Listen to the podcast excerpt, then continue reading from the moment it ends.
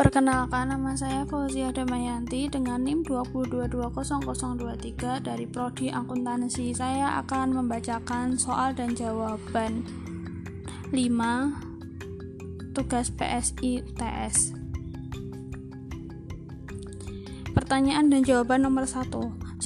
Ceritakan dengan baik sejarah dan perkembangan internet hingga saat ini.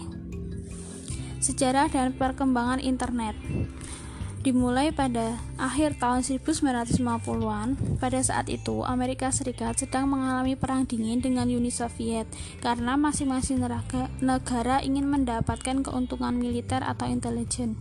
Tahun 1957, pemerintah Amerika Serikat membentuk Badan Proyek Penelitian Lanjutan atau ARPA ARPA adalah pusat penelitian komputasi pada tahun 1960-an.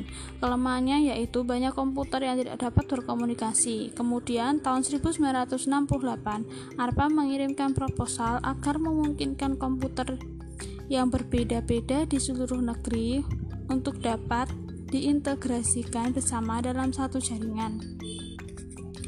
Proposal permintaan tersebut ditanggapi oleh 12 perusahaan, namun hanya satu perusahaan yaitu BBN atau Board Beranek dan Newman yang memenangkan kontrak hingga perusahaan tersebut dapat menyelesaikan proposal menyelesaikan pekerjaan dalam waktu satu tahun. Tahun 1969, Profesor Len Glenrock dari UCLA bersama dengan kelompok mahasiswa pasca sarjana berhasil mengirim transmisi kata login dari komputer melalui ARPANET. ARPANET tumbuh dan mendapatkan popularitas, tetapi kekurangannya jaringannya tidak dapat berkomunikasi satu sama lain. Hal itu terjadi karena setiap jaringan menggunakan bahasa miliknya atau istilah lain Internet Protocol atau IP untuk mengirim informasi. Dengan adanya penemuan Transmission Control Protocol atau Internet Protocol atau TCP atau IP, permasalahan tersebut dapat terpecahkan. TCP atau IP dirancang untuk menyambungkan komunikasi antar jaringan yang berbeda dengan perantara. TCP atau IP memungkinkan jaringan untuk berkomunikasi satu sama lain. Dari sinilah internet mulai berkembang hingga saat ini.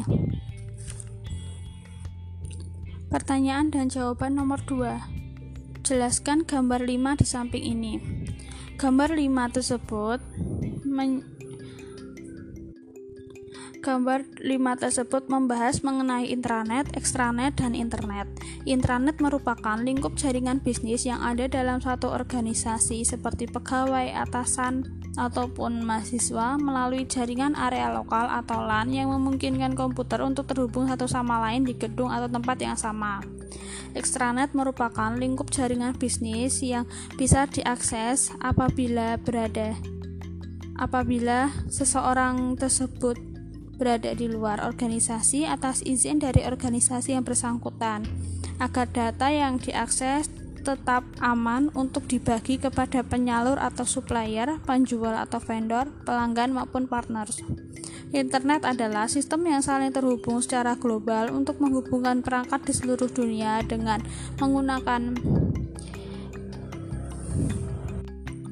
menggunakan internet protokol sehingga lingkup jaringan bisnis ini bersifat publik dan dapat diakses di seluruh dunia.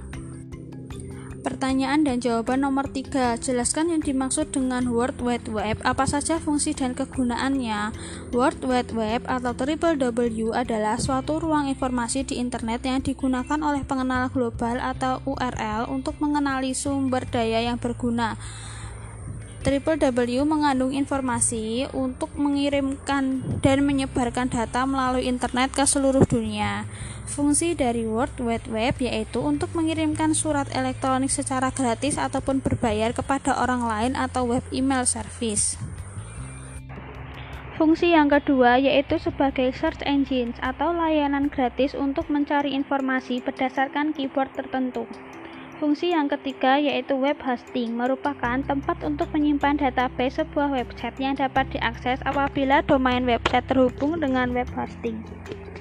Fungsi yang keempat yaitu portal, merupakan layanan di internet yang terdapat beberapa layanan sekaligus seperti email, berita, pesan maupun tena, maupun tanya jawab. Kegunaan dari World Wide Web yaitu untuk menyediakan data dan informasi agar dapat diakses dan digunakan bersama. Pertanyaan dan jawaban nomor 4. Jelaskan perbedaan broadband atau jaringan antara 3G, 4G, dan 5G. Jaringan 3G artinya generasi ketiga merupakan awal dari internet yang dibuat untuk telepon genggam agar kemampuan dalam mengakses dan mengunduh lebih cepat. Teknologi yang digunakan dikenal sebagai UMTS yang memiliki kecepatan maksimal 21,6 Mbps. 4G generasi keempat menggunakan teknologi MIMO dan OFDB dengan standar WiMAX dan Lite dengan kecepatan 4G yaitu 100 Mbps atau setara dengan 1 Gbps. 4G dihadirkan untuk menyediakan jaringan internet dengan kecepatan lebih tinggi, kualitas dan kapasitas tinggi, namun tetap menjaga tingkat keamanan, menurunkan biaya kepada pengguna. 5 5G merupakan generasi kelima diharapkan memiliki kecepatan internet secepat kilat dengan kepadatan koneksi yang lebih tinggi dan latensi yang lebih rendah. Kecepatan 5G sama dengan 35 kali lebih cepat daripada 4G dengan kisaran 35,6 Gbps. Gbps.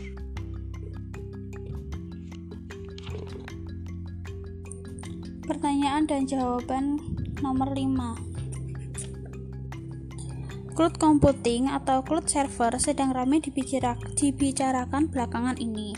Dapatkah kamu ceritakan cara kerja cloud computing? Bagi kamu, apa saja manfaat cloud computing? Berikan contohnya. Cloud computing bekerja menggunakan internet sebagai server dalam mengolah data yang memungkinkan pengguna untuk login ke internet agar mendapatkan akses menjalankan aplikasi yang dibutuhkan.